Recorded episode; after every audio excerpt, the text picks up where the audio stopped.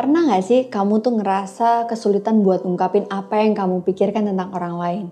Atau justru kamu malah sebaliknya yang lebih cepat atau mudah untuk memberikan uh, feedback kepada orang lain dengan terang-terangan?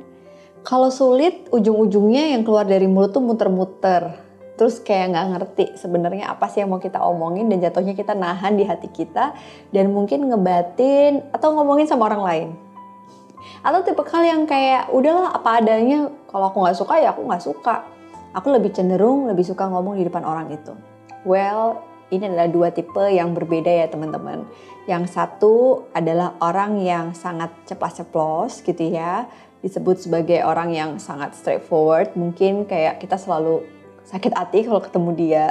Atau yang satu ngebatin nggak jelas maunya apa tapi bikin kita kesel juga karena akhirnya kita taunya dari orang lain Menganalisa kali ini teman-teman, halo semuanya, Assalamualaikum. Kita bakalan ngebahas gimana dan kenapa orang suka bertele-tele, terus kira-kira plus minusnya apa ya dibandingkan sama orang yang suka ceplos-ceplos. Yang pertama, kenapa orang bertele-tele atau suka menahan dan nggak enakan? Karena ini sebenarnya budaya. Budaya nggak enakan ini sebagai orang Indonesia sangat kental banget dan ini adalah budaya timur yang mungkin terwarisi oleh beberapa generasi ternyata melekat banget nih dalam semua aspek kehidupan kita. Mungkin karena budaya nggak enakan ini juga kita tuh ngerasa seperti apa ya ngomong sama orang lain tuh harus perlu high context gitu, pakai kode-kode dan nggak langsung to the point, langsung sama intinya. Sebenarnya kalau kita bicara tentang kenapa sih budaya ini bisa berkembang, mungkin kita punya satu perasaan yang disebut dengan tadi nih nggak enakan itu dan kita takut menyakiti orang lain. Tapi sebenarnya kita itu juga cenderung kenapa kita nggak berani menyakit, menyampaikan itu? Karena kita nggak mau tersakiti. Kita kayak memposisikan diri jadi orang itu sehingga kita nggak mau tersakiti, makanya kita hati-hati banget nih ngomongnya. Nah tapi ternyata nih teman-teman, kalau kita bilang tentang ah nanti takut nyakitin, bisa jadi orang itu nggak ada perasaan yang sama loh. Bisa jadi sebenarnya perasaan itu adalah perasaan kita sendiri. Ketika kita takut beranggapan buruk nih tentang orang tersebut gitu ya atau dianggap buruk bisa jadi sebenarnya ketika menyampaikan itu orang itu nggak apa-apa baik-baik aja. Kita jadi takut nggak nyaman hubungannya jadi nggak enak. Kalau aku sih sebenarnya lebih nyaman ke, uh, secara pribadi ya lebih nyaman ketemu sama orang yang to the point aja maunya apa dan gimana daripada orang yang di belakang.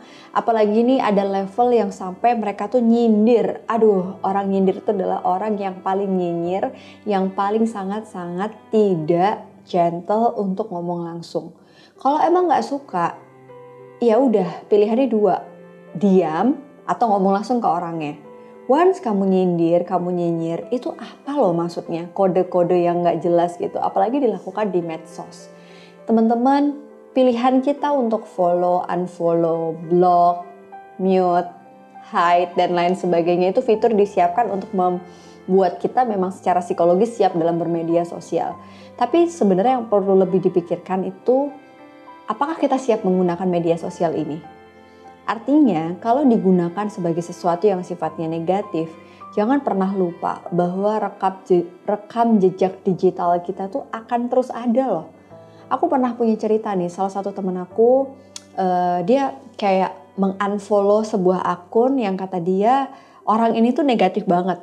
Dia selalu akun ini selalu ngomongin kejelekan orang lain dengan terang tapi nggak pernah mention orang itu. Sampai pada akhirnya dia risih dan dia mengunfollow akun ini. Padahal akun ini tuh akun yang menurut aku cukup punya kredibilitas profesinya sehingga sebenarnya bukan saatnya untuk bisa melakukan penyerangan-penyerangan secara verbal yang ditujukan untuk oknum tertentu. Karena kalau aku lihat ini sebuah tabiat ya yang diomongin tuh nggak cuma isu yang sama gitu. Semua isu diomongin seolah dia adalah ahli segalanya selain bidangnya sendiri. ahli segala bidang kecuali bidangnya sendiri.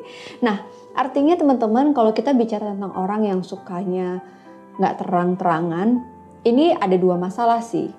Dia khawatir menyakiti perasaan orang lain atau dia takut hubungannya jelek dan dia mengambil ranah aman. Jadi cari aman doang, dia ngomongnya di belakang atau ngomonginnya uh, di medsos atau mungkin dia nggak ngomong sama sekali tapi dia menahan perasaan dia dengan tidak nyaman. Jadi kita harus gimana sih? Opsi yang kedua, kita jadi orang yang terang-terangan teman-teman Mungkin kalau kita termasuk orang yang belak-belakan, cablak gitu ya. Kita straightforward banget kita ngomong apa.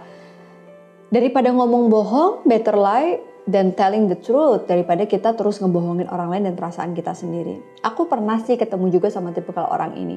Awalnya menyakiti, awalnya kita bikin tersinggung, nggak nyaman. Tapi begitu aku amatin, it's about that person not me gitu. Jadi kayaknya dia gitu tuh sama semua orang. Emang dia modelnya sukanya ngomongnya cablak. Kalau kita main perasaan, rugi gitu kan. Dan kadang-kadang orang cablak ini tuh menghiasi kehidupan kita untuk tahu apa yang sebenarnya terjadi sama diri kita.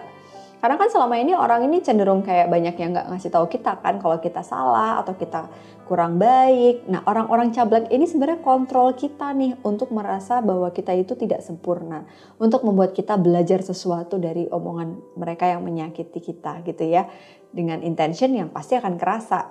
Orang straightforward ini kebanyakan intentionnya tuh nggak negatif loh. Mereka tuh cenderung apa ya ya emang kayak gitu cara komunikasinya.